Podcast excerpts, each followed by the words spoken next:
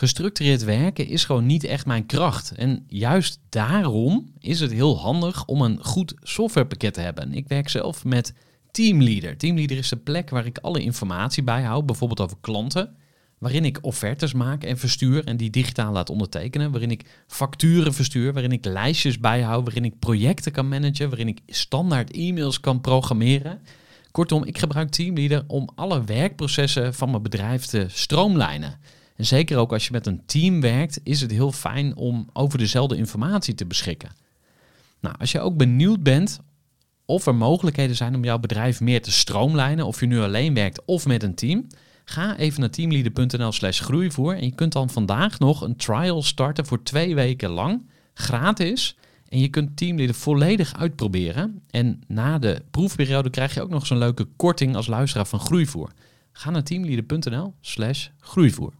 Gooi voor. Gooi voor. Gooi voor. Zoek je inzicht, inspiratie voor je eigen bedrijf. Wil je elke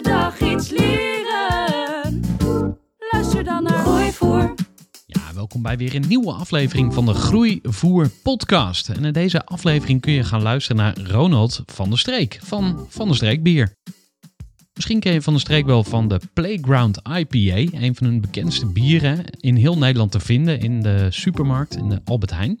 We horen natuurlijk niet alleen over de bieren, maar vooral ook over de ondernemersreis die Ronald afgelegd heeft samen met zijn broer Sander. Ze begonnen samen in een keuken, zoals dat dan ja, vaak gaat hè, met eh, mooie bedrijven. Die beginnen in een schuurtje, een zolderkamer of in een eh, keuken in dit geval. En ja, hoe hebben ze die eerste stappen gezet? Hoe hebben ze van een leuk hobbybrouwerijtje nu een hele serieuze club gebouwd? En wat zijn ze tegengekomen op hun pad? Wat waren de tegenvallers? Hoe zijn ze daar dan weer doorheen gekomen? Nou, dat en veel meer in weer een nieuwe aflevering van de Groeivoer podcast. Ik zou zeggen, ga lekker luisteren naar Ronald van der Streek van Van der Streek Bier. Voor de kennis en ideeën van een interessante gast. Die zijn verhaal met jou wil delen. Luister je naar Gooi voor. We zijn hier in de studio in Utrecht en ik sta hier met Ronald van der Streek. Waar ik het vooral met jou over wil hebben is het verhaal van Van der Streek en eh, hoe jullie zo groot en succesvol geworden zijn. Maar voor we daar dieper op ingaan wil ik graag eerst wat meer over jou weten. En mijn vraag aan jou is, kun je wat meer vertellen over je roots? Waar kom jij vandaan? Ja, dat kan ik. Ehm, ik kom uit Alphen aan de Rijn. Het eh, fantastische slaapdorp slash stadje eh, tussen Leiden, Utrecht, Amsterdam, Rotterdam. Eigenlijk eh, heel centraal gelegen in. Zelfs noemen ze het het Groene Hart. En daar ben ik opgegroeid, heb ik eh, mijn scholen doorlopen. En uiteindelijk naar Utrecht toe verhuisd eh, voor een studie commerciële economie. En ever sinds in Utrecht blijven hangen. Ja, en wat voor gezin kom je bijvoorbeeld uit? Ja, ja, wat voor gezin kom je uit? Ik heb een gezin met vier kinderen, dus we zijn met zes thuis, redelijk druk.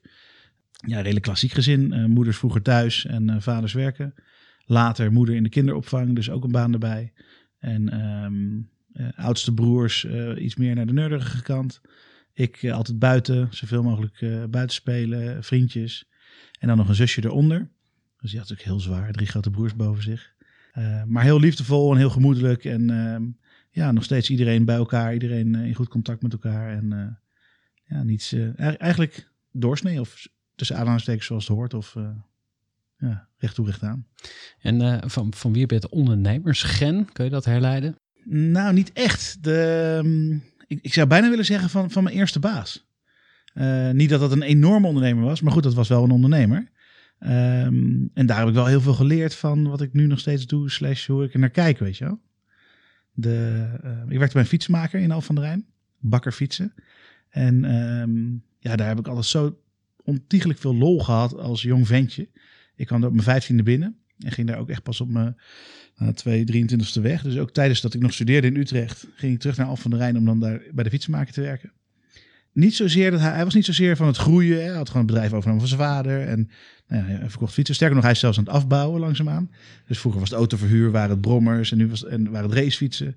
En steeds meer werd het gewoon stadsfietsen. En tegenwoordig is het alleen maar een elektrisch fietsenwinkeltje. Maar wel de manier hoe die, waarom die het deed, zeg maar. En dat is eh, hij moet vooral voor zichzelf zoveel mogelijk nou ja, lol trappen. Hij zei ook altijd, eh, ja, een beetje thuis bij je wijf zitten is ook niks.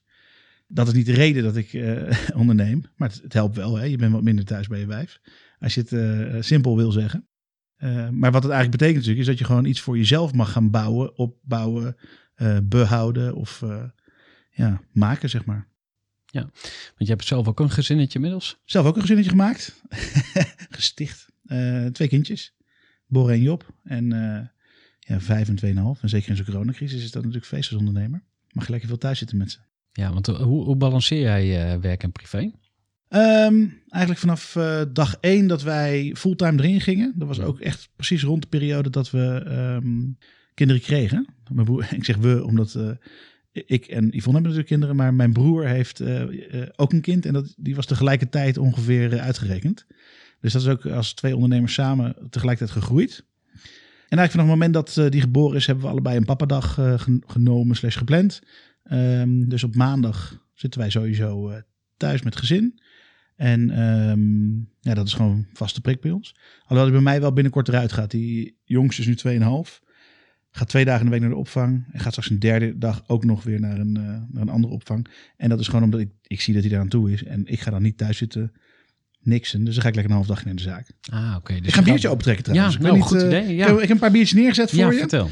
Eh, Playground, een non-alcoholic bier. Dus als je niet drinkt, wat jij volgens mij doet ehm, op dit moment, is dat eh, een goede start. Funhouse, ook non-alcoholic. En daarnaast staat er ook nog een Blood, Peach en Mango IPA. Daar heb ik zo wel zin in, want ik heb Dry January gedaan. Het is nu net februari, dus ik heb ook wel zin in Ja, bier. hij mag los. Maar ik start deze middag wel met een Playground. Hatsa. Lekker man. Dat is eh, denk ik ook jullie bekendste bier.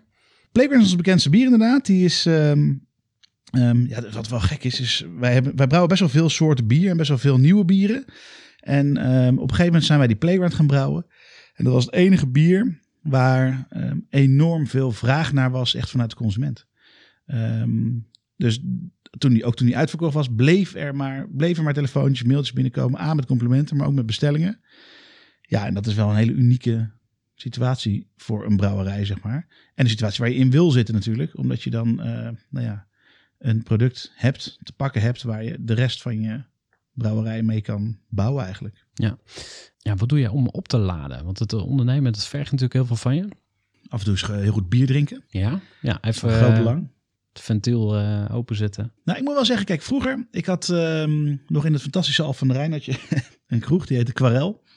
En ehm, ehm, met vrienden, wij, wij vonden zelf dat we hard werkten... En, eh, en, en ook hard lol konden hebben, zeg maar. Dus wij vonden het belangrijk dat we en na school, et cetera... het hele weekend eh, ook gewoon keihard buffelden en werkten. Maar we stonden wel donderdag, vrijdag en zaterdag in de kroeg. En dat was wel onderdeel van wat we deden. En als ik, als ik, als ik daarop terugkijk, ja, dat was zowel stoom afblazen. Het ging niet om het, ja, het ging ook wel een beetje om het dronken worden als je 16, 17, 18 bent. Maar het ging ook wel heel erg om juist het sociale en met, eh, met elkaar gewoon het leven doornemen, zeg maar. Een beetje ja, hangen in die kroeg. En dat heb, dat heb je gewoon nodig, denk ik, als mens. En nu ook in die coronacrisis. Ja, ik ga er eerlijk over zijn. Ik heb af en toe wel een stiekem avondje eh, in de brouwerij bijvoorbeeld, toen er nog geen avondklok was, met wat collega's toch stiekem kroegje gespeeld, zeg maar. Heel kleine schaal. En, en altijd natuurlijk op anderhalf meter afstand. Maar je merkt gewoon dat je als mens daar behoefte aan hebt. En dat is een van de manieren om eh, eh, nou ja, op te laden. Voor de rest zorg ik dat ik genoeg slaap. Dat heb ik echt enorm nodig. Want ik ga kapot als ik niet genoeg slaap. En ehm, ja, af en toe, eh, eens in de week sla ik, eh, sla ik een balletje squash. Dat is ook nodig. Omdat als ik, eh, nee, dat- merk je ook in zo'n jaar als dit, zo'n lockdown. Ik, ja, je wordt onrustig als je niet af en toe keihard een bal tegen de muur slaat.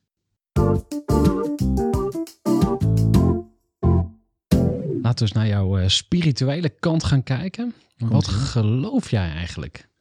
Ik geloof helemaal niks. Is er meer tussen hemel en aarde? Nou, eh, zien we tegen die tijd wel, denk ik. Maar ehm, nee, ik, ik, ik geloof eh, niet echt eh, ergens in. Ben niet heel spiritueel aangelegd. Ik zou... ehm, ik ga wel, la- laten we zeggen, ik ga in mee met mijn vriendin die zegt, er is energie. Nou, en ik- 100% dat er energie is, daar heb ik heel veel van. Ehm, en ik, ik geloof ook wel dat dat een mooie manier is om uit te leggen wat leven is. En ja, hoe je dat dan interpreteert en of dat ook voor genezing is en voor eh, weet ik veel wat, ja, dat mag je dan voor jezelf weten. Maar ik denk dat energie in elk geval iets is wat er eh, 100% is. En, en hoe werkt dat dan? Heb je eh, ervaring mee of zo? Of hoe, eh, hoe zou dat in zijn werk gaan? Ja, je kan, als je met wie dan ook bent in één ruimte, kan je denk ik vo- voelen aan elkaar eh, of iemand le- er lekker in zit. eh, of iemand eh, eh, zijn neus dezelfde kant op heeft. Of, ja, of je een, heel, heel vaag woord, een klik hebt. Of je, of je, of je ja, hetzelfde type mens bent. Eh, dat zijn allemaal dingen die volgens mij te maken hebben met energie en nou ja, of dat nou energiebanen zijn of eh, rode, groene aura's, et cetera, dat boeit me niet zoveel. Maar ehm, eh, ja, het, is wel een manier om naar de wereld te kijken, denk ik. Ehm, en dat heeft me ook wel geleerd dat soms iemand dus in mijn visie niet in zijn juiste energie kan zitten, waardoor ik dat ook heel dat vergeef ik dus ook heel erg. Dus op het moment dat bijvoorbeeld een medewerker eh, niet goed in zijn wel zit, ik ga dan niet doorpushen, dan is het gewoon een kwestie van wachten, ja, tot de energie wel weer eh, lekker gaat. Ja, en heb, heb je dat moeten heel leren? Of, energie gezegd nu. Ja, ja beter. ja, ik vraag me bij die geloof, eh, als het om geloven gaat, ik, ik koppel dat los van religie, zeg maar. Ik bedoel, dus, eh, dat is natuurlijk een hele logische eh, connectie. Maar ik, zie het inderdaad breder. Dus ja, wat geloof je? En de volgende stap is dat van hoe gebruik je dat in je bedrijf?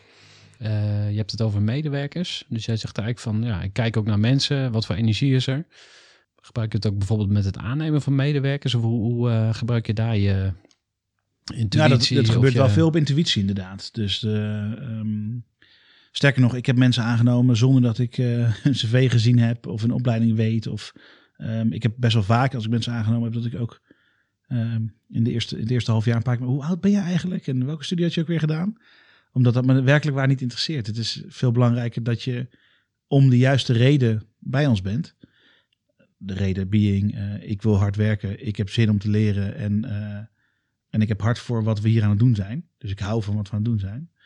Dat vind ik allemaal veel belangrijker dan eh, tonnen ervaring en eh, nou ja, grote netwerken, et cetera. Ik geloof dat je veel meer voor elkaar kan krijgen als je ja, er lerend in zit, zeg maar, dan, eh, ja, dan wanneer je uit de hoogte bent of doet alsof je het al weet. Ja, en die, en die gevoeligheid die je omschrijft, heb je dat moeten leren? Of had je dat altijd al? Of, Natuurlijk is dat iets waar je, waar je denk als mens ook sowieso in groeit. Maar ehm, ik, ik kan super bot uit de hoek komen. Ik ben ook wel iemand die... ehm, ik ben best wel een rouwdouwer, zo gezegd. Dus het is niet, het is niet helemaal natuurlijk voor mij om eh, alleen maar naar gevoel te kijken. En eh, ja, bezig te zijn met... eh, hoe zit een ander in de wedstrijd?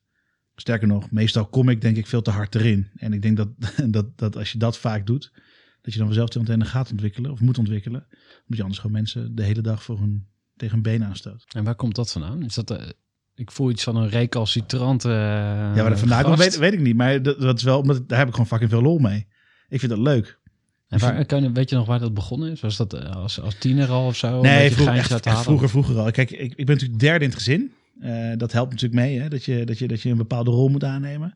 Ik, was, eh, ik ben augustus geboren, dus was een jonge leerling. Dus ik was altijd de jongste van de klas. Ja, dan moet je een beetje een clown zijn. Dan moet je een beetje gek doen om, eh, om, om mee te komen. Dat is sociaal gezien wel een, eh, een stapje achter, zeg maar.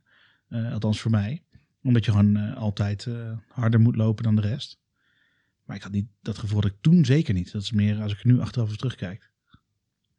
Want school is gewoon het ergste wat er is, toch? Ja, vertel. Middelbare school. Ja, ik heb daar geen, geen goed woord voor over voor de leraren die daar zaten bij mij. Maar, kun je er eens een uit, uitpikken? Nou, allemaal. Heel simpel. Als je, ehm, zij zitten daar niet voor jou. Ze zitten daar voor, de, voor om een hoog cijfer te, eh, uit jou te trekken. En de grote grap is dat het er niet toe doet of je een hoog cijfer hebt voor aardrijkskunde, eh, Frans, eh, Duits of weet ik veel wat voor ellende je allemaal krijgt. Het doet er uiteindelijk toe dat je zin hebt om te werken of om iets te maken of om iets te doen of om ergens over na te denken of om, om, om, om je tanden ergens in te zetten. Dan krijg je veel meer voor elkaar dan wanneer je een rijtje uit je hoofd weet. Natuurlijk is een rijtje uit je hoofd leren ook je tanden ergens inzetten.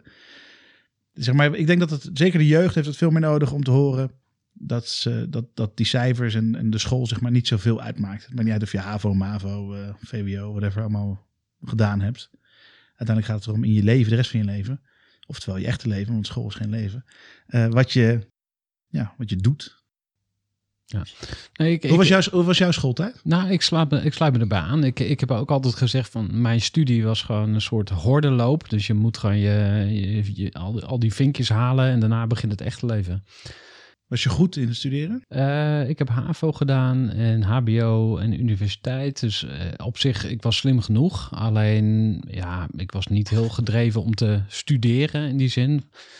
Nou ja, Ehm, wel van HBO naar universiteit nog Ja. even doorgezet. Ja, ik heb, ik heb het wel afgemaakt. Dus daar had ik wel genoeg skills voor om, om dat eh, af te maken. Eh, ik, ik, ik ben de vijfde in het gezin. En mijn oudste broer, die was extreem intelligent. En die slaagde eh, op het gymnasium met vijf tienen of zo. Dus dat is altijd nog een soort van mijn frame of reference. Van, oh ja... Je hebt ook hele slimme mensen Super smart. Ja. Ja, weet je, de, nou, ja, de Einsteins van deze wereld. Ehm, Fijn dat je luistert ook. ja, ja, precies. Ja, in het universum dolt hij nog rond, wie weet. Ehm, ik, ik wil even met jou nog naar de, de why van, eh, van de streek. Of van jou als ondernemer. De why. Ehm, Of is het onzin? Ja, de why. De waarom? ja, wij, zijn, in ieder geval, wij zijn gaan brouwen eh, puur, om, puur uit hobby. Dus eh, ik en mijn broer kwamen eens in de maand eigenlijk bij elkaar om thuis in de keuken bier te gaan brouwen. En we hadden daar helemaal geen ambitie bij om een bedrijf te starten. We hadden niet eens eh, de, ja, de kennis dat je dat vanuit de keuken zeg maar iets, iets meer van zou kunnen maken of in een supermarkt zou, zou kunnen komen.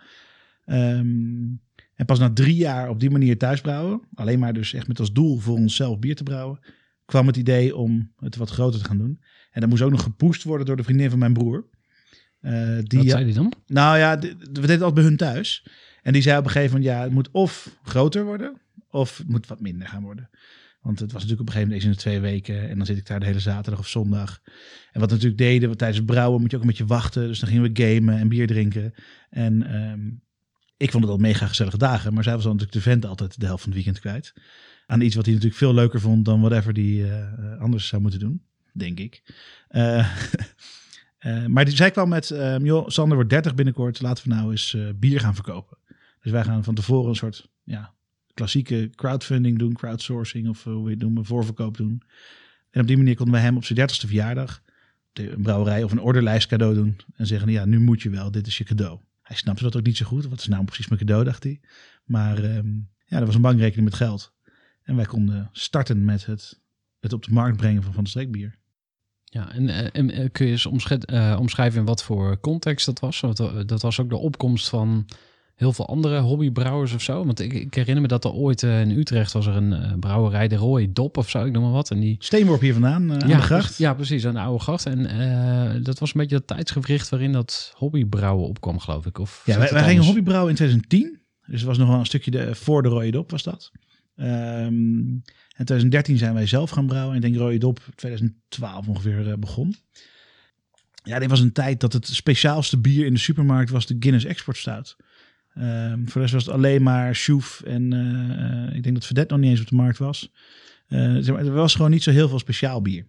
IPA in Nederland hadden we nog niet van gehoord. Eh, sterker nog, ik had er nog niet van gehoord of het een echte Amerikaanse IPA geproefd. Ehm, en ja, de, de, de klassieke bierstijlen die ook gebrouwen werden, die, die, dat waren allemaal ehm, ja, Bel Belgische, Belgisch geïnspireerde bieren. Ja. En er kwam een beetje toen, in die tijd, 2010 tot 2013, 14, kwam er dus een, ehm, ja, beweging vanuit Amerika. Waarbij dus de Amerikaanse IPA's naar hier de markt op kwamen en enorm gewaardeerd werden. Amerikaanse hoppen kwamen in zwang. En dat zijn hoppen die wat meer citrussmaak geven. Nou, we drinken nu die Playground. Die zit daar eh, helemaal vol mee. Hè? Dus net alsof je toch een beetje meer een fruitsapje drinkt dan, dan, dan, dan bier. Of ja, dan klassiek bier zou ik willen zeggen. Echte IPA's maken. En vanuit die IPA en die nieuwe hoppen is er natuurlijk heel veel gebeurd. En, er zijn er heel veel ehm, nou ja, biermerken gestart. En hebben heel veel horecazaken dat op de kaart gezet. En zijn ze het enthousiast gaan verkopen. Omdat het gewoon zo ontzettend lekker is. Even een korte onderbreking met een belangrijke vraag aan jou. Want wat heb jij geregeld voor het geval je van de ene op de andere dag zou komen uit te vallen? Wat gebeurt er dan met je bedrijf, maar vooral wat gebeurt er met jou persoonlijk en ook in financieel opzicht? Samen met ASR voerde ik drie openhartige gesprekken over tegenslag en veerkracht. En dat deed ik met Saskia, Vincent en Pieter. Ondernemers met een bloeiend bedrijf die van de ene op de andere dag niet meer konden werken. En die verhalen hoor je in aflevering 256, 257 en 258 van deze podcast. Als ondernemer wil je natuurlijk niet uitvallen. En daarom is het belangrijk dat je veerkrachtig bent, want voorkomen is beter dan genezen. En als het dan toch misgaat, is het fijn dat je iets geregeld hebt, zodat je weer snel door kunt met ondernemen. Wil je weten hoe veerkrachtig jij nu bent? Vul dan in twee minuten de veerkrachttest van ASR in. Ga naar asr.nl slash veerkrachttest ondernemers. Ja, dat, eh, is interessant. En, en dacht je toen ook al van, eh, dit is iets wat, wat goud gaat worden en hier wil ik bij zijn? Of Nee, was je daar helemaal helemaal niet niet. bij bezig? Helemaal niet. Nee, nee, nee, nee. We waren. ehm, ja, ten eerste, we deden het. eh, eh, wat we wel deden is eigenlijk hetzelfde als dat we eh, nu. Of later wat ik net vertelde over, over onze papadag. We hebben toen onze bierdag genomen. Dus wij werkten allebei voor een baas natuurlijk. En wij namen allebei de vrijdag vrij om dan in het bier te gaan en voor bier te gaan werken. Maar we hadden niet ehm, een visie van hoe groot je kan zijn. We dachten niet aan omzetten, winsten, inkomens. Helemaal niets.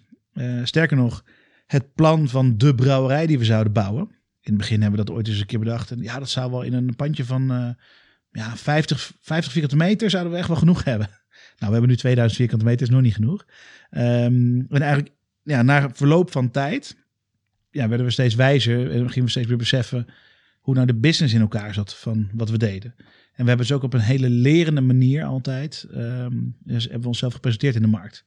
Ook toen we bijvoorbeeld voor het eerst met Albert Heijn gingen praten. Toen zeiden we niet, hey, wij zijn van de streekbier. Jij moet ons in het schap zetten. Maar meer, god, eh, wij zijn van de streekbier. Hoe werkt dit eigenlijk? En dat heeft wel heel erg geholpen op heel veel vlakken. Ehm, ik herinner me ook met de Mitra, ook een landelijke slijterijketen. Dat ik belde, een van de eerste maanden dat we bezig waren met eh, Marco, de, de Marco Philipsen, de directeur daar. Ik zeg, ehm, wij zijn een nieuwe brouwerij. Eh, ik zou wel bij jullie het assortiment willen. Ja, die zei, lacht natuurlijk uit. Zegt, ja, dat gaat zomaar niet. En toen zei ik, nou ja, ehm, dat respecteer ik. Zeg, maar wat is dan het adres waar ik mijn bier heen kan sturen? Want je moet in elk geval weten dat wij bestaan. Punt. En dat tot op de dag van vandaag ehm, ja, hebben we het daarover. Zo simpel is het. Interessant. Ja, want je hebt het bedrijf samen met je broer. En jullie hebben ook nog een aantal partners erin, geloof ik. eh, Eén. Financiers of één Ja. partner? Oké, En, eh, Ehm, ja. noem je het? Smart money. Oké, vertel. zo, zo noemt hij zichzelf graag. Dus Ja? Oké, klinkt goed, klinkt goed. Kun je, kun je dat dus eh, schetsen, jij en je broer, hoe, hoe die samenwerking is en eh, hoe dat met de compagnons eh, zat? Ja, wij, wij gingen. of vroeger toen wij die bierdag hadden, zaten we eigenlijk de rest van de dagen, de maandag tot en met donderdag, allebei op kantoor. Hadden we elkaar op nou ja, Skype of MSN of whatever dat in die tijd was. En als er dan een mailtje binnenkwam, dan zaten we gelijk daar bij elkaar. Zo, oh, dit komt binnen, pak jij hem op, pak ik hem op. En dan was het eigenlijk weer weggewerkt.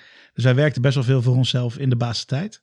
Ehm wij deden eigenlijk allebei hetzelfde in het bedrijf. En dat deden we ook nog toen we fulltime erin gingen, begin 2016. En eh, in dat jaar hebben we eigenlijk nou ja, de rollen verdeeld. Of is, dat, is, is de rolverdeling duidelijk geworden, laat ik het zo stellen. Ehm, en dat kwam ook door eh, dat er inderdaad een partij bij kwam. Ehm, wij gingen op zoek in 2016 naar de financiering om onze eigen brouwerij te gaan bouwen. Het plan was klaar en eh, wij dachten, we hebben ongeveer eh, een half miljoen nodig. We dachten, dat gaan we ophalen bij eh, vrienden, familie. En op die manier gaan we gewoon een, eh, ehm, een stak maken. En nou ja, hebben we gewoon heel veel kleine aandeelhouders. Ja, waarmee we die uiteindelijk alleen niet terugbetaald krijgen of niet. Of ooit een keer een waardevermeerdering hebben dat we dat terug gaan betalen. En via via kwam ons plan bij twee mannen terecht, Rob en Timo. En Rob en Timo die ehm, hadden vroeger in hun studententijd een eh, behangbedrijfje zelf eh, gehad. Dus ze gingen studentenkamers behangen. En eh, waren gewoon vrienden. Elkaar voor de rest niet, niet een hele leven op elkaars lip gezeten. Maar uiteindelijk allebei hun bedrijven verkocht. En ook via hun vrouwen weer met elkaar in contact. Of nog steeds met elkaar in contact. Maar nu wilden ze ook samen wat gaan doen. En ze zijn dus een investeringspartijtje gestart om andere bedrijven te helpen. Zeer uiteenlopend. Ze hebben een camping geholpen om van een camping een bungalowpark te worden. Ze hebben een IT-bedrijfje geholpen en uiteindelijk kwamen wij daar ook in het vizier. En zij zeiden ons, ehm, eh, eh, nou, ze zaten ook heel erg op, nou, wat hebben jullie nou precies nodig buiten het geld? Dus, nou ja, eh, en daar, daar, daar hadden wij ehm, ook wel een idee bij, want ja, wij zijn twee broers, maar als wij ehm, ja, niet geforceerd zouden worden om elke maand eens eventjes elkaar goed in de ogen te kijken en door de cijfers heen te lopen, et cetera, dan zouden we het ook niet doen. Dat, dat, daarvoor is misschien hoe we werken wel te vanzelfsprekend. Dus het is wel goed om daar wat structuur in aan te brengen en wat zakelijkheid eigenlijk in aan te brengen. En daar hebben ze ons heel goed mee geholpen. Ik noem Timo en Rob, helaas is Timo eh, in, de tussentijd overleden. Ehm, en Rob is dus nu onze, eh, ja, onze derde aandeelhouder. En ehm, ja, onze, ik best wel, best wel mentorrol eh, naar mij en Sander toe. En voor de rest, ehm, ja, hij doet ons weinig kwaad. hij, hij zorgt ervoor dat we elke maand onze cijfers op orde hebben en dat we daar doorheen kunnen lopen. En hij neemt ons mee ook, of hij zorgt ervoor dat we, dat we op tijd ook kijken naar, oké, leuk, nu, hier staan we. En wat is nou drie jaar, vier jaar, vijf jaar vanaf nu? Wat moeten we daarvoor klaar gaan maken alvast om eh, dat te kunnen? En je bent dus niet op zoek gegaan naar meerdere eh, investeerders of aandeelhouders. Je hebt, je hebt crowdfunding overwogen. Mhm. Toen ben je eigenlijk met die twee gasten dus aan de slag gaan. Je hebt niet een hele zoektocht op touw gezet van... eh, We hebben best veel geluk gehad daarmee. Dus Ja, Dus, dus het plan was dat we ehm, eh, echt vrienden, familie en eh, weet ik het, wat voor investeringsborrels van banken, et cetera, af zouden gaan lopen. En toen kwamen we na een maand of eh, twee weken nadat het plan uit was, eh, kregen we een brief eh, ondertekend, eh geheimhuisverklaring eh, op de post ook echt, van Rob in dit geval. En ja, vanuit daar zijn we, hebben we twee, drie avonden gepraat in de, in de opslag die, waar we ook kantoor hielden toen in, in een boerenschuur in Harmelen. En, en hadden een deal. ja. ik zie ook meteen zo'n filmscène, zo'n sit-down, schemerige schuur. Achterstevoren op je stoel zitten en Nee, iemand met een grote blaffende hond. Hoe hoe was dat? Nou, het waren geen harde onderhandelingen of dergelijks. We hadden wel een, eh, ook een, eh, een adviseur erbij. Mhm. Het is natuurlijk heel raar. Kijk, wij, wij, hadden, wij hadden geen geld. Maar we hadden wel een, een plan en we hadden geld nodig. En wij wilden graag ehm, onze droom waarmaken. Of dat willen we nog steeds. En, en, en op een gegeven moment heb ik echt het besef, ja, wil je die droom waarmaken? Zeg maar, wil je een deel van je droom hebben? Of wil je je droom niet waarmaken en 100% van niet je droom waargemaakt hebben? En dus op een gegeven moment moest dus dat besef bij ons erin geslagen worden dat er iemand bij moest. Of dat er iets moest gaan gebeuren. En eh, toen dat eenmaal nou ja, ook in ons eigen hoofd recht stond, eh, was het redelijk makkelijk om dus ook de vervolgstappen door te lopen. En we waren echt mega blij op het moment dat we ehm, eh, die deal rond hadden. En even terug naar die de compagnonschap tussen jou en je broer. Want Ja. hoe, hoe zou je hem omschrijven? Ja, intussen is- is het zo dat ik dus de commerciële kant van de brouwerij doe en hij de operationele kant. Ehm, vroeger, 2016, in die varkenstal hadden we natuurlijk niet echt een operationele kant of een commerciële kant. Alles was allemaal hetzelfde. Eh, Hoe zou jij mij omschrijven? Misschien veel, veel, beter, veel betere vraag. Zo goed ken ik je niet. Nee, maar eh, Sa- Sander, mijn broer, is in elk geval eh, een stukje rustiger dan ik. Ehm, wat analytischer en ehm, iets meer eh systeemfocust en gericht. Dus wil graag een, een protocol opschrijven om ons dan ook voorlopig daaraan te houden. Eh, en wil graag bepaalde software helemaal uitpluizen voordat we het implementeren. En mij boeit het niet welke software eh, als het maar werkt. Dat is, Ja. ene, dat is hoe ik ben. En het moet gewoon, ja, dingen moeten gewoon werken en dingen moeten logisch zijn. En dingen moeten vooral werkbaar zijn voor mensen. Ja. Gast erop. Dat is mijn... eh, dat is mijn eh, Ja, dus en dat levert dan ook nog wel eens eh, moeilijke gesprekken op of slaande deuren? Of hoe, eh, nee, onderling, onderling eigenlijk niet. Nee. wij denken wel redelijk hetzelfde over dingen. Ehm, en eh, als hij mij eh, terugfluit, omdat hij bijvoorbeeld iets nog helemaal uitspit of fijner van weten, dan, dan zeg ik, ja, dan is het vaak dat hij ook gewoon gelijk heeft en dat er ook nog weer betere dingen uitkomen. En aan de andere kant, als ik iets er doorheen druk, omdat ik gewoon snel een gast erop wil gaan, dan levert dat ook vaak iets op. Dus ehm, nee, dat schuurt niet op eh, persoonlijk vlak of op eh, ja, in de dag tot dag zeg maar met elkaar. Dus ja, dat is ook wel iets. eh, ik denk dat dat wel komt ook omdat je broers bent hoor. Dat je makkelijker. Er ligt echt een basis van vertrouwen. Ja. Dingen die eh, niet meer gezegd hoeven te worden. Dat soort dingen. Dat denken, dat denken we dan. Ja. Ja. Hey, en die, die aandeelhouder die er nu in zit, ehm, die heeft dus ook echt meerwaarde. Vandaar ook smart money. Dus eh, geld kan je overal eh, krijgen en als je Ja. daarvoor betaalt. En Die heeft voor ons enorme meerwaarde, zeker. Ja, dus die, daar wil je eigenlijk dan ook niet van af. Of heb Ik je hoef dan... niet van hem af, nee. Nee, nee. Daar zal hij het mee eens zijn. Maar Want hij wil eh, uitgekocht worden of zo. nou, ooit een keer zal hij natuurlijk wel eh, return eh, willen zien. Maar weet je, dat, dat, voor mij is dat een beetje, dat komt tegen die tijd wel. Want kun je schetsen wat soort van de groeistappen of niveaus zijn? Want je, ging van, je gaat van 5 vierkante meter opslag naar 2000 en je zegt van hé, hey, er komt nog meer aan. Hè? Dus we zitten nu alweer eh tegen Nou- de grens aan. Maar wa- wat zijn er bepaalde niveaus in of zo? Of stappen die je terug kan leiden? Nou, we zijn natuurlijk 2016 waren wij huurbrouwers en hadden we nog geen eigen brouwerij. Want eh, wat houdt het ook weer precies in, huurbrouwer zijn? Huurbrouwen is dat je eh, in de ketels van anderen jouw eigen bieren laat brouwen eigenlijk. Ehm, dat is natuurlijk beperkend, omdat je minder creatief kan zijn, eh, minder snel kan schakelen. Ja, je timeslots wanneer je het mag doen of zo. Wanneer is de brouwcapaciteit Ja. beschikbaar en je kan gewoon minder snel op de markt in- inspelen. En je hebt hogere kosten, want je koopt het bier in bij een brouwerij. Aan de andere kant, als je zelf gaat brouwen, heb je ook hogere kosten, want dan moet je ook een brouwer hu- inhuren en eh, je financieringen aflossen en, al, en alle ellende die daarbij komt kijken. Eh, grote belangrijke stap is dat we een brouwerij gebouwd hebben. Eh, dat was begin 2017. Andere belangrijke stap van onze groei is dat we die alcoholvrije variant ontwikkeld hebben, dus de, de Playground. Ehm, Was dat dan ook jullie breakthrough moment? Voor mijn gevoel is dat soort van... nou ja, ligt eraan Waar break- iedereen jullie van kent. Ligt eraan, ja, dat, het is wel waar iedereen ons van kent. Maar de vraag is natuurlijk, wat is je breakthrough moment? Kijk, zonder Playground hadden wij nog steeds ook diezelfde brouwerij gehad. eh, die we nu hebben. Alleen hadden we minder bier geproduceerd. Eh, waren we ook een winstgevend bedrijf gehad. En hadden we het ook lol gehad met elkaar. En dat is natuurlijk uiteindelijk nou ja, een belangrijke factor. Ehm, ons doel is niet de grootste te worden. Maar het zou wel heel leuk zijn als we de grootste worden.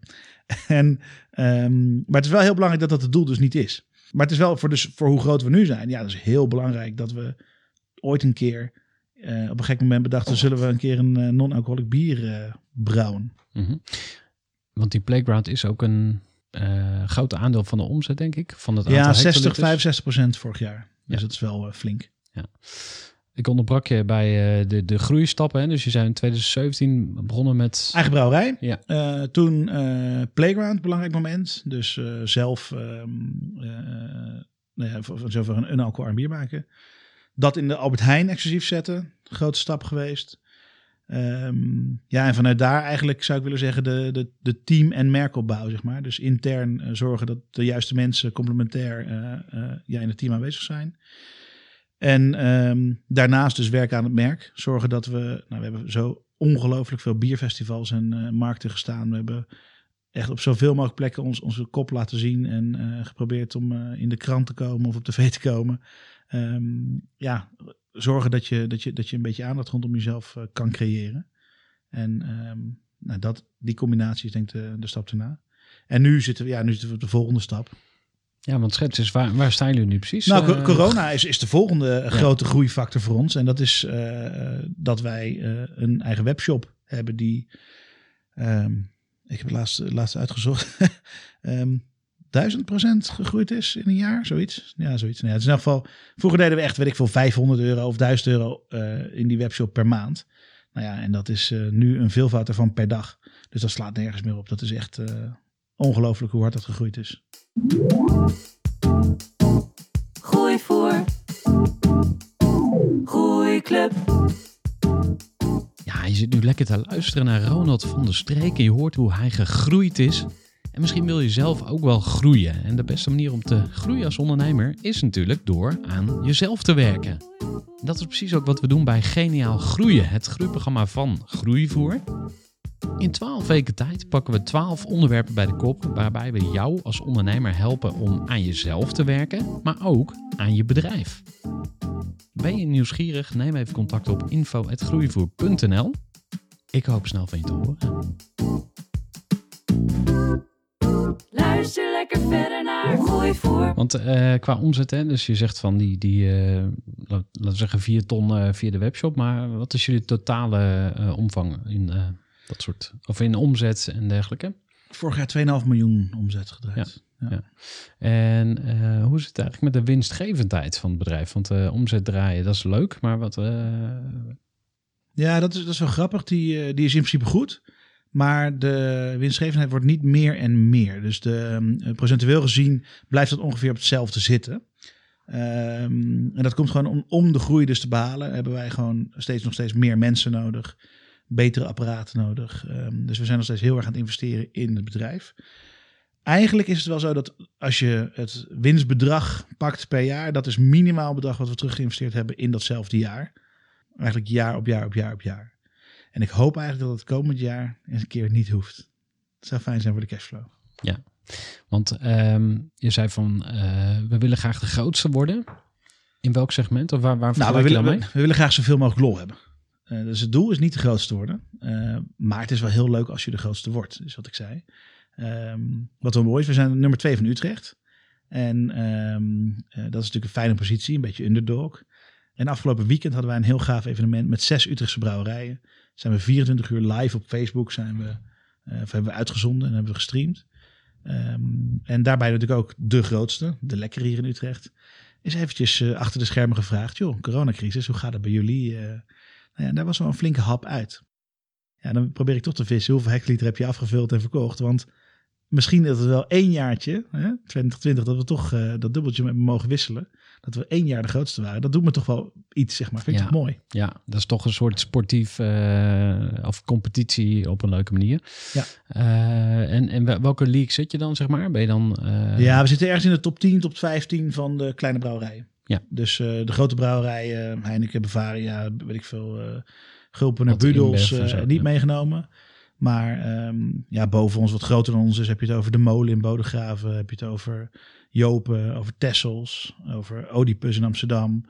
Ehm, nou ja, en zo zijn er nog een stuk of vijf, zes bedrijven die zo rond ons volume zitten.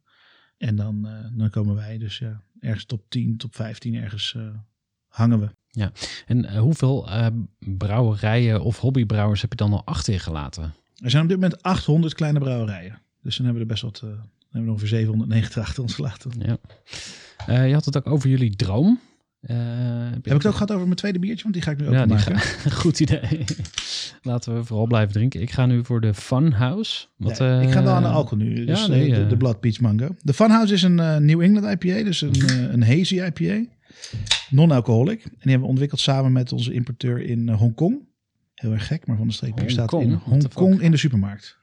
Nee joh. Wij staan in de supermarkt in Hongkong. Hoe, hoe dan? Ik bedoel, vertel, vertel dat eens. Ja, op een dag krijg je een mailtje van een eh, brouwerij in eh, Hongkong. En die zegt, eh, wij, eh, wij zouden wel jullie eh playground willen importeren.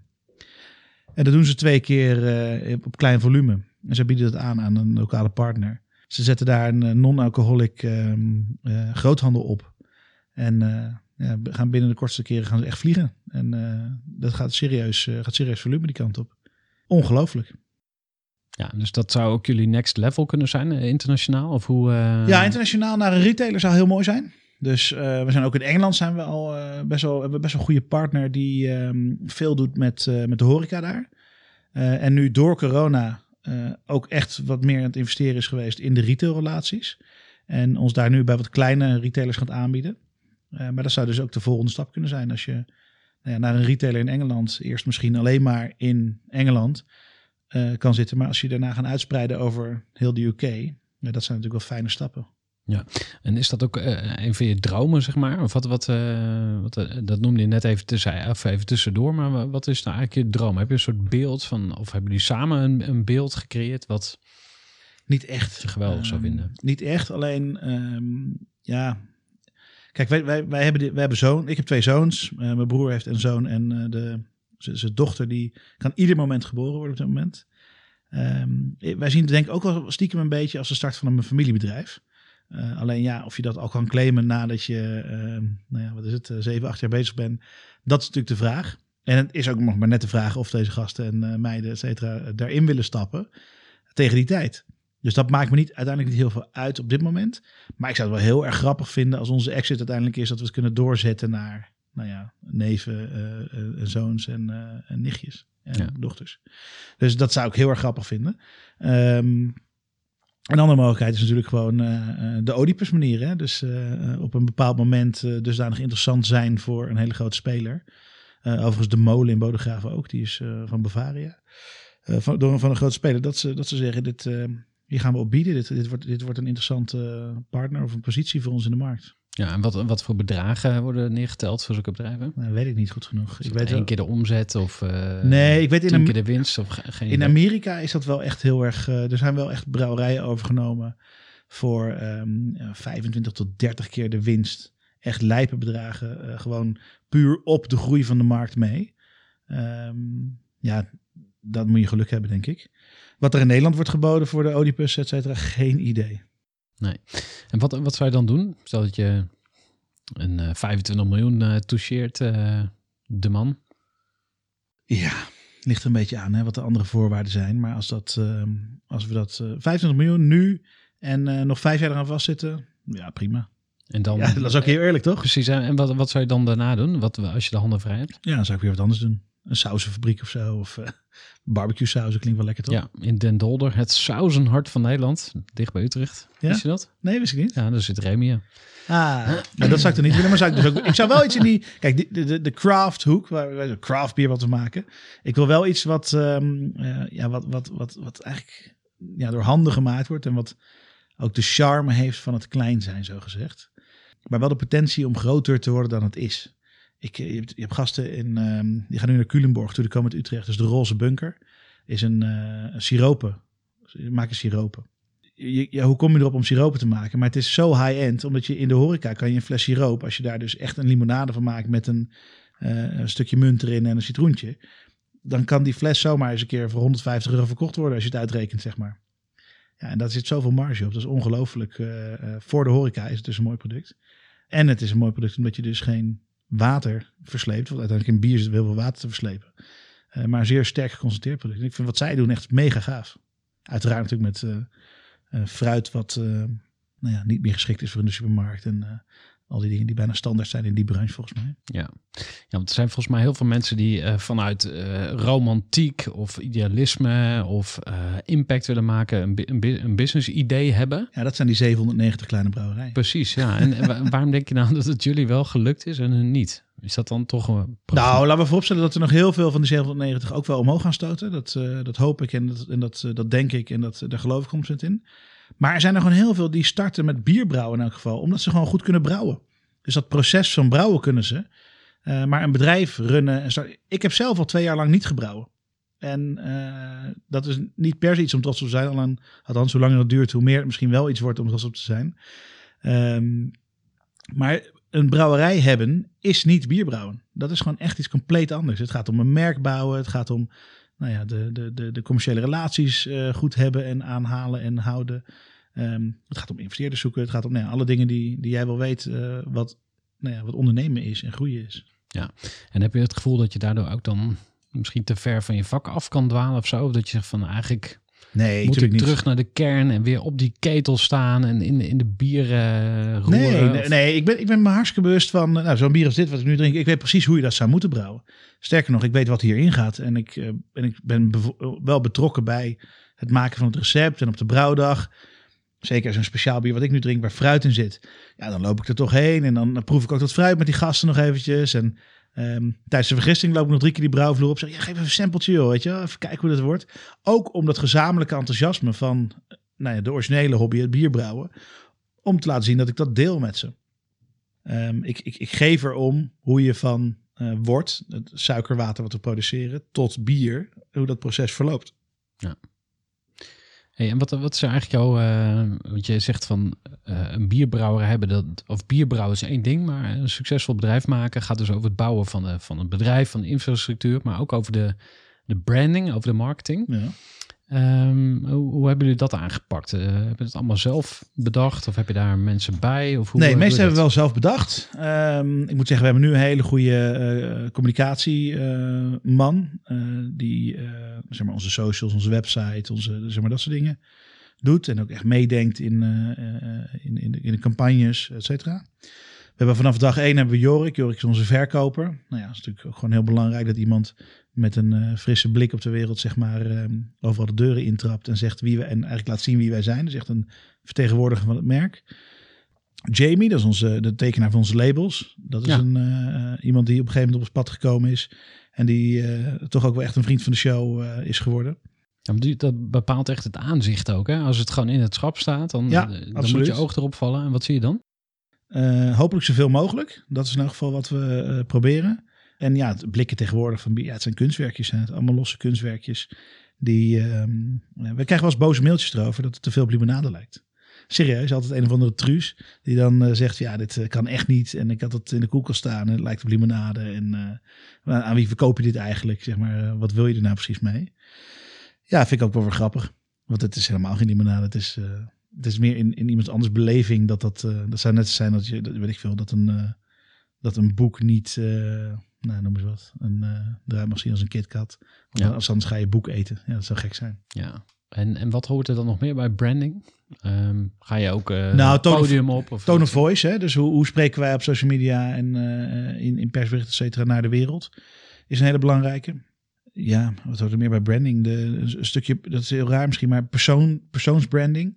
Ehm, er is een hele actieve groep van bierdrinkers, de biergeeks. Dat zijn 10.000 mensen die echt verenigd zijn, ook op Facebook. eh, in een groep waar ze alles wat ze drinken delen, alles wat ze kopen delen. Is dat een Jasper Borgdorf? Die eh, zit er zeker bij, die zit er zeker die bij. zit ook in de podcast. die ja? heeft, ja, hij, ik heb een, een podcast met hem opgenomen. Jasper is mijn, is mijn lul over biermaatje. Dus ik, samen met Jasper Ja. maak ik Oh, je gaat bier. samen met hem die podcast maken? Lul over bier maak ik al met hem. Oh, je doet het al. Ja, wat goed. Al, Ja, al, al heel veel afleveringen. ja wat tof. Ja. Ehm, maar dat soort, dat soort lui, ja, die zitten dus daar en die praten over bier en hebben daar het over. Ja, en daar ben ik ook één van. En een van de, nou ja, niet prominente leden van, maar ik, ben, ik probeer daar wel af en toe ook wat te zeggen. Maar de grap is, ik heb daar niet zoveel te zeggen, want ik drink niet al die bieren die zij drinken. En eh, wat, als ik iets te zeggen heb, heb ik natuurlijk eigenlijk wat te verkopen. Dus dan moet je een beetje slink zo eh, tussendoor eh, bewegen. Maar het is wel leuk om te zien dat je, ehm, eh, nou ja, zeg maar, die bierkies weten wel wie Ronald van der Streek is. En ehm, ja, dat vind ik wel heel grappig. Laten we eens gaan naar het eh, opbouwen van een team. Want eh, je bent verantwoordelijk voor de commercie, maar ook voor eh, de mensen. Of in ieder geval het aannemen ervan. Of hoe, hoe hebben In, we... in, aan de commerciële kant in ieder geval wel. In principe doen we, ah, ja, zeg maar, Sander doet gewoon de operationele kant, ik de commerciële kant. En is hij dus ook verantwoordelijk voor het aannemen van de mensen aan de operationele kant en ik voor de commerciële kant. Voor echte key functies doen we dat natuurlijk wel samen. En dat is ook wel ergens nog heel erg logisch, want we zijn zo'n klein bedrijf. We zijn nu met 15 mensen.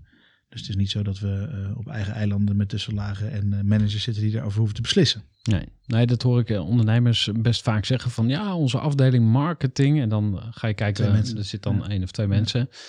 Dus dat, maar jullie zijn plat. En als je nu terugkijkt hè, op de afgelopen jaren mensen aannemen, wat, wat is jouw grootste les geweest over personeel aannemen? Ik heb nog niet wat heel veel mensen zeggen. Weet je, mensen zeggen altijd gekscherend: ik wens je veel personeel. Als je een beetje eh, zuur doet of als je een beetje zeurt over je personeel. Maar ik heb er niet zoveel last van personeel. Eh, ik besef me ten eerste heel erg goed dat we ze nodig hebben en dat ze, maak, dat ze ons maken, zeg maar. Dat we, wie wij zijn en wat we doen, kan niet zonder ze. Heel af en toe zijn er periodes, weet je, als iedereen tegelijkertijd vrij vraagt voor de kerst en dingen. Zeg maar, dat is het allerergste wat ik ooit meegemaakt heb wat dat betreft. En voor de rest denk ik dat je gewoon vooral ja, toch gewoon op je gevoel moet varen. Wat, wat voelt goed. Ehm, ik ben zeer, eh, nee, ik wil niet zeggen vergevensgezind, maar eh, bij ons mag je falen. Nee, bij ons mag je falen. Dus, dus, dus, dus als, je, als er iets fout gaat, dan, dan vier ik dat liever. En dan niet letterlijk dat ik dat elke dag tegen je zeg. En weet je nog die keer dat het fout ging, hoe hippiepoera. Maar wel het, dat het niet erg is dat we er snel overheen stappen. En dat ik er ook echt vanuit ga dat het eh, nou ja, over een half jaar beter is. En dat, het, dat, het, dat mensen leren. En ik ben niet heel veroordelend als het dan nog vier keer fout gaat. Dat ik dan denk, ja, zie je wel klootzak. eh, eh, waar zijn we nou mee bezig? Eh, Nou, samen even in een hokje zitten en even praten erover. Daar ben ik helemaal niet van.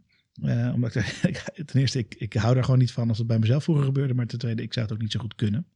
En voor de rest, als, iets- als iets niet bevalt, hebben we ook meegemaakt natuurlijk. Dan is denk ik wel de, de les zo snel mogelijk knopen doorhakken. Ze Heb je zeggen, daar een voorbeeld van? nou, is natuurlijk, is natuurlijk ook een gezegde, hè? De, wat is het? Hire slow, fire fast. Ehm, we hebben wel eens iemand gehad die aan de bottomline kwam werken.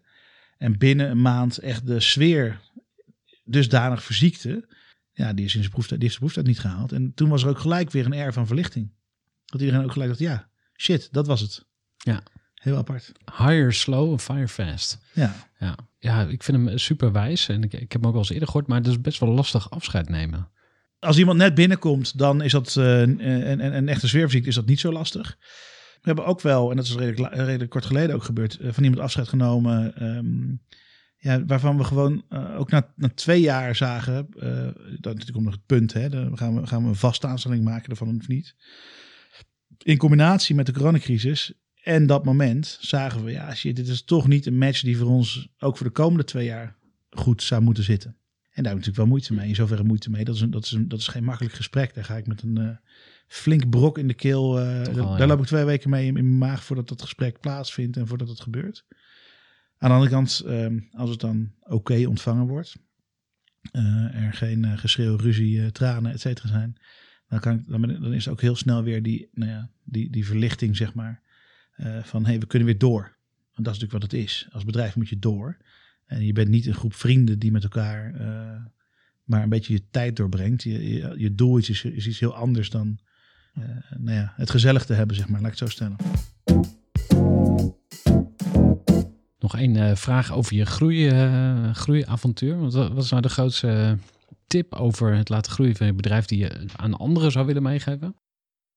wij zijn gaan doen wat, we, wat onze hobby was. En ik denk dat, eh, dat dat wel heel belangrijk is. Blijf altijd zien wat je hobby is of was. Ehm, ook al zit je midden in al je dingen die geen hobby meer zijn. Dus het, eh, nou ja, het bedrijfsvoeren en eh, al die dingen meer. Eh, wederom ook dat eentje is, is die heel erg ehm, in die coronacrisis omhoog gekomen is. Ja, eigenlijk direct zodra we daarmee geconfronteerd werden, had ik tal van ideeën waarmee, we konden laten zien wie we nog steeds zijn. En ja, ook ideeën hoe we dus nou ja, omzet konden genereren. Maar dat, dat stond meer op de achtergrond. Het ging echt meer om het lol trappen en ja, laten zien dat bier leuk is en leuk kan zijn, et cetera. Ja, ik denk gewoon blijf dicht bij de reden waarom je dit überhaupt bent gaan doen. En als je die reden niet meer kan vinden, ja, stop er dan maar mee. Ja, ga lekker wat anders doen. Precies. Mooi advies. Ehm, tot slot. Alcoholvrij bier. Ik moet het toch even vragen. Hoe wordt het gemaakt? En wat vind jij ervan? Er zijn eh, een aantal manieren om het te maken. Je kan eh, ingrediënten mixen en dan afvullen. Eh, dat kan je herkennen aan een hele lange ingrediëntenlijst. Aroma, smaakstoffen, allemaal ellende. Zout. Je kan bier brouwen met alcohol en dan de alcohol eruit halen. Of destilleren. Of eh, met een filter, membraanfilter. Of je brouwt bier en je haalt er niks uit en voegt alleen maar dingen aan toe. Dat doen wij. Eh, met een gist die heel slecht alcohol maakt. Dus eigenlijk een hele slechte gist. En daarom zijn de bieren die wij maken non-alcoholic ook zo smaakvol. Omdat er dus niets uitgehaald wordt. En wat was de vervolgvraag? Dit was hoe je het maakt? Ja, wat vind jij ervan? Heb je niet je ziel verkocht als brouwer door zo hard te gaan op eh, alcohol, alcoholvrij bier? Nee, absoluut niet. Het is, eh, ik moet wel zeggen, dit is wel echt een vraag die we onszelf in het begin stelden. Toen we dit net gingen doen en merkten hoe populair het was. Ja, wil je nou bekend staan als die non-alcoholic gasten? Ehm, weet je, het boeit me niet. Is, is het relevant überhaupt? Nou ja, het is, bij ons is het eh, wat, heel simpel. Het is wat rekeningen betaalt. Het is wat, eh, wat het mogelijk maakt dat we heel veel lol kunnen hebben. Ehm, dus het maakt inderdaad niet zo heel veel meer uit. Ik denk ook wel dat wij het stoer gemaakt hebben om non-alcoholic bier te brouwen. En dit ook heel vaak gewoon zo gezegd hebben. Hè? Dus heel vaak krijg je dus de vraag: Goh, eh, alcoholvrij bier, alcoholarm bier, is dat wel, ben je dan wel een brouwer? Of is dat wel, ben, je, ben je een beetje stoer als je dat drinkt? Nou, ja, je bent het allerstoerste als je dat drinkt. En dan wel zo'n smaakvolle natuurlijk. Bedoel, ja, de, de Amstel 0.0 van vroeger herinneren we ons allemaal nog wel. Dat is gewoon zo'n vieze, muffige wortsmaak. En dit, waar heel veel hop in zit, waar fruit in zit, waar allerlei gekkigheden in zitten. Ja, dat heeft, of, dat heeft echt bierbeleving, of in elk geval een volle smaakbeleving. En het is iets wat eh, nou ja, waar met passie en liefde gemaakt is. Hele vieze ingrediënten, maar het zit er wel in. En eh, eh, ja, dat, dat, ja, dat kan je wel proeven. Jij zei voor de aflevering dat jij alcoholvrije maand deed. Nou, ik heb me niet aan de Dry January eh, gehouden, maar ik heb een boek gelezen, De Geest uit de Fles, van eh, Jacqueline Smit. En zij schrijft eh, over de voordelen van alcoholvrij leven. Zij is begonnen, of gestopt met het wijn drinken. En ze beschrijft hoe dat proces ging. En toen dacht ik, nou, ik ga dat gewoon eens proberen. Dus ik ben nu al Ik ben ook gestopt met wijn drinken. Ah, kijk. Ja. nou ja, ik zat toen bij, wij zijn bij jou in de, in, de, in de brouwerij geweest. En toen zat ik ook weer zes bier weg te hakken. Van die, van die wat stevige Voor hazy ja. IPA, Ja. weet ik veel wat het was. Nog spijt. Nee, het was, eh, het was een heerlijke avond. Maar ik, ik, probeer, ik ben dus nu Maar is niet, wacht, is niet die roes, hè? Ga terug naar dat moment, nadat je daar stond en net, net een biertje te veel had, zo voor het avondeten. Die roes van bier is het lekkerste wat er is. Zeg maar dat je, dat je net een beetje losser komt en, en, en een beetje zo, eh, nou ja, die oogjes op half zeven zet. Kijk, helemaal lam worden heeft geen enkel zin en slaat nergens op en, en, en is niet iets wat je moet willen ambiëren. Lange katerdagen kan je niet meer veroorloven en heb je geen zin in. Maar dat gevoel van, nou ja, is minder, zeg maar nu als je één of twee biertjes drinkt, het gevoel van net even dat heerlijke, Takes the edge off. het randje eraf. En niet op een slechte manier, maar gewoon dat ook vieren, zeg maar. En ook daaruit voor, ervoor uit durven komen. Ja, dat brengt me ook wel veel hoor. Heerlijk is het. Ronald, uh, wij gaan nog even nagenieten met een alcoholvrij biertje of een uh, lekkere ja, alcoholhoudende. Ik, ja, ja, ik heb je over gehad, heel goed. Laten we die niet onder, onder stoelen of banken steken. Als mensen uh, ja, iets lekkers willen bestellen, waar, waar kunnen ze dan terecht? van de streekbier.nl en dan vind je het vanzelf. Tof, thanks. En tot zover dit mooie gesprek met Ronald van der Streek van Van der Streek Bier. Mocht je het nog nooit geprobeerd hebben, ga even naar de supermarkt, haal zo'n lekker biertje of bestel een bierpakket op vanderstreek.nl. En je kunt ook een bierpakket krijgen. Gratis en voor niks als jij een review achterlaat van de Groeivoer podcast. Op je iPhone kun je dat gewoon in de embedded app doen. En als je geen iPhone hebt, stuur even een mailtje naar info.groeivoer.nl. Dan sturen we jou de instructies. Ja, zo'n review hoeft ook helemaal niet lang te zijn. Hè? Ik heb hier een hele mooie review van Desley Kuiper van Trailer. Hij zit in de vrachtwagenreclame. Hij heeft een heel mooi bedrijf. Hij zegt: inspiratie voor elke ondernemer. Elke keer als ik onderweg ben naar een afspraak, zet ik een podcast van Gerhard op. Enorm inspirerend en luistert fijn weg. Nou, hartstikke duidelijk, hartstikke simpel. En precies wat ik nodig heb voor de Groeivoer podcast. Dus laat even jouw review achter en wie weet krijg jij ook een fijn bierpakket en een shout-out in deze podcast. Desli, bedankt gozer en heel veel succes met je mooie bedrijf Trailer. Tot zover deze aflevering van Groeivoer en graag tot de volgende keer. Zijn we nog niet gelinkt? Voeg me gerust even toe op LinkedIn. Mijn naam is Gerhard Tevelde en ik spreek je graag snel. Groeivoer.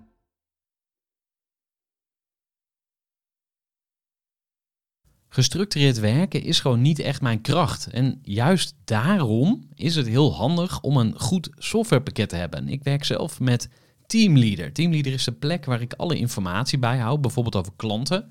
Waarin ik offertes maak en verstuur en die digitaal laat ondertekenen. Waarin ik facturen verstuur, waarin ik lijstjes bijhoud, waarin ik projecten kan managen, waarin ik standaard e-mails kan programmeren. Kortom, ik gebruik Teamleader om alle werkprocessen van mijn bedrijf te stroomlijnen. En zeker ook als je met een team werkt, is het heel fijn om over dezelfde informatie te beschikken. Nou, als je ook benieuwd bent of er mogelijkheden zijn om jouw bedrijf meer te stroomlijnen, of je nu alleen werkt of met een team, ga even naar teamleader.nl slash groeivoer en je kunt dan vandaag nog een trial starten voor twee weken lang, gratis. En je kunt Teamleader volledig uitproberen. En na de proefperiode krijg je ook nog zo'n leuke korting als luisteraar van Groeivoer. Ga naar teamleader.nl slash groeivoer.